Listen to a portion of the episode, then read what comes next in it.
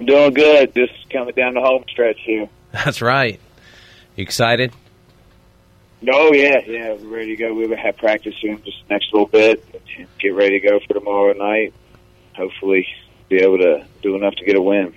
Yeah, certainly. It's been a great season. Let's jump into this. Uh, you come into this season winners of four straight conference titles. Uh, failed to reach that mark this year, but your team has definitely had a tremendous season. Um, right there behind, uh, you know, those GW Patriots there in the MSAC. And um, but what were some of the aspects or fundamentals of the game uh, this team improved on, prepare them for this point of the season as you enter sectionals? A uh, big thing was just getting everybody on the same page and, and getting the team as a whole to into their roles. Uh, we're we're really balanced um, as far as uh, scoring in, in our team and the, and the amount of guys we play.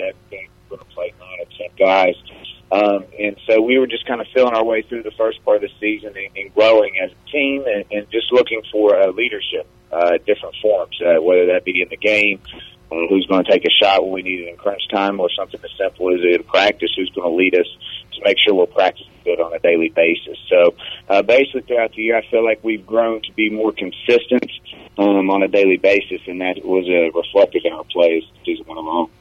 Joins here on the Brandon Lowe Show. We got Capital Cougars boys head basketball coach Matt Green and uh, we're in sectional uh, portion postseason play for boys basketball.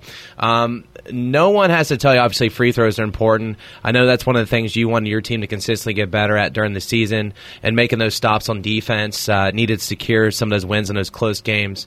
What do you do as a coach as far as practice habits? Is it teaching tempo? Um, what fundamentally are you doing in practice to make sure those those type of things continue to be consistent? Uh, I mean, we shoot free throws every day. Um, unfortunately, we're not the best free throw uh, team, um, but we still continue to work on that and improve, and, and we have improved. Um, several of the guys have really uh, raised their percentages uh, throughout the year. So we feel like if we have the right guys shooting the free throws, that'll kind of take care of itself. Um, but it, as far as on a, um, a daily basis, um, what we continue to work on is with uh, time and score. It's a little different for us uh, where we like to play fast tempo and, and get up and down and go, and we gamble a little bit. So when you're coming down the stretch in the fourth quarter, and you know you you have and you uh, have a lead or it's a close game, and so we, we want to try to limit some of our unnecessary gambles and be a little more sure. Um, definitely be more sure with the ball and, and not create our own turnovers um, and, give the ball back to them. But we talked a lot about in practice. We'll, we'll put time up on the clock, time and score. Okay, we've got to finish out this segment. We'll put them in different scenarios um, to isolate that part of the game. Um, whereas the most the other part of the game, we want to be up and we're pressuring and we're gambling a little bit more and, and trying to create that pace uh, that we like to play with. So throughout the year, that's one of the things we continue to work on. Our guys have gotten better at that.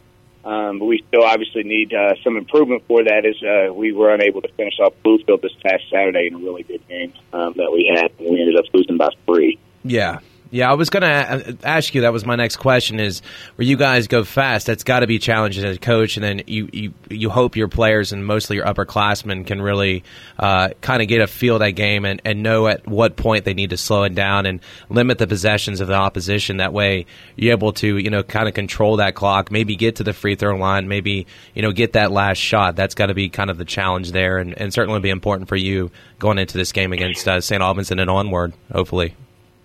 Yeah, absolutely. There, there's a line there, and uh, you don't want to start trying to not necessarily hold the ball, but be uh, more deliberate too early because then our guys lose some of their aggressiveness.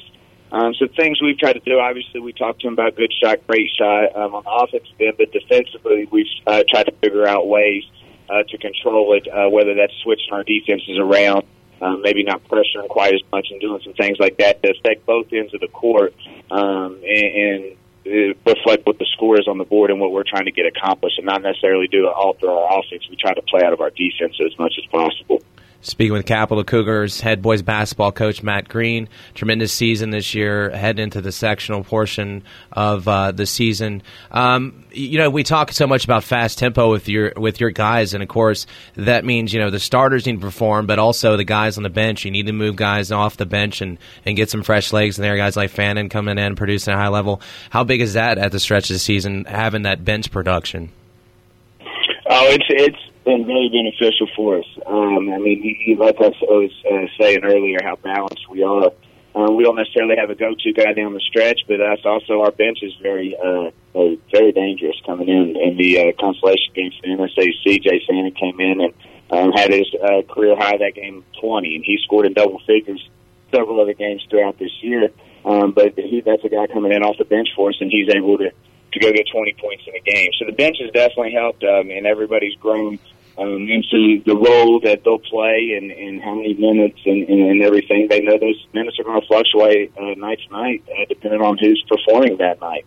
Um, that's kind of a, a gift and a curse. You know, you, generally we we can find the right combination, but it's a lot of times it's it's harder to get those guys um, get get the right guys going um, and figure out who's going on that particular game. So um, it, it's very good. But here in the postseason, um, there's more stoppages uh, throughout the game with timeouts and, and, and different things. So our, our depth um, doesn't necessarily wear down the other team quite as much because there's more stops with the game and everything. So we tend to shorten up our rotation a little bit um, here in the postseason as well. Um, but but everybody's going to get a look. We're definitely going to play nine, ten guys. Um, we just might not play everybody quite as many minutes as they've been playing throughout the regular season. Certainly. Uh, the other thing also, you know, you talk about being in some of these dogfights throughout the regular season, and for coaches, you know, that's got to be nerve wracking, of course. And some games you pull out, as you mentioned, Bluefield there at the end of the season, you weren't so, uh, you know, successful in pulling that out, but that happens. And I think those things, obviously, you know, as a coach, can teach you things down the road for moments like postseason play. You've got to agree that having that type of adversity and having these close games is extremely beneficial for your team down the stretch, especially at this point in the season. Oh, no doubt. No, um, our team is definitely battle tested this year. Um, I I, we try to schedule as tough as we can, um, and going into the season, literally uh, within a month before uh, games start play, we had like four or five games get dropped. So we were fortunate to still get the uh, schedule that we had, um, and, and had some really good teams. And we were able to play different people from throughout the state, um, and actually out of state. So we, we feel like we look for good competition to put us in those situations because uh, I mean it does you no good. I don't think to go out and, and you're going to win every game by you know double figures. I, I just I don't. You need to challenge yourself, and you know our record. We could probably have a little better record if we played a little easier schedule, but in the end, I think it's worth us to be in those games. And sometimes you may not come out on top, but you know it, it puts us in adverse situations, which you're definitely going to have in the postseason. So that, I feel like we we're prepared and uh, and ready to go. So we'll, we'll see how prepared we are tomorrow night. Hopefully, we'll be ready to go. And finally, let's talk about that Region Three, Section One, 7 p.m. tip-off in your house. There, St. Albans coming in. Coach England. Uh, I have the most utmost respect for Coach England, like I do uh, you, Coach. And uh, what do you expect? You know, they play you tough. Uh, they played you tough. Uh, what do you expect out of this Red Dragons team as they come in, and how important is is it for the fans and students to show big for your uh, for your for your school? Oh, it's definitely big if we can get the fans out and get great student support and get our gym loud as possible, and that creates a, a great home court advantage for us. Um, they've been good about following us this year, so we trust we'll have a good crowd tomorrow night. Uh, as far as St. Albans goes, you know what they're going to bring. They're well coached with, uh, as you stated, Coach England there.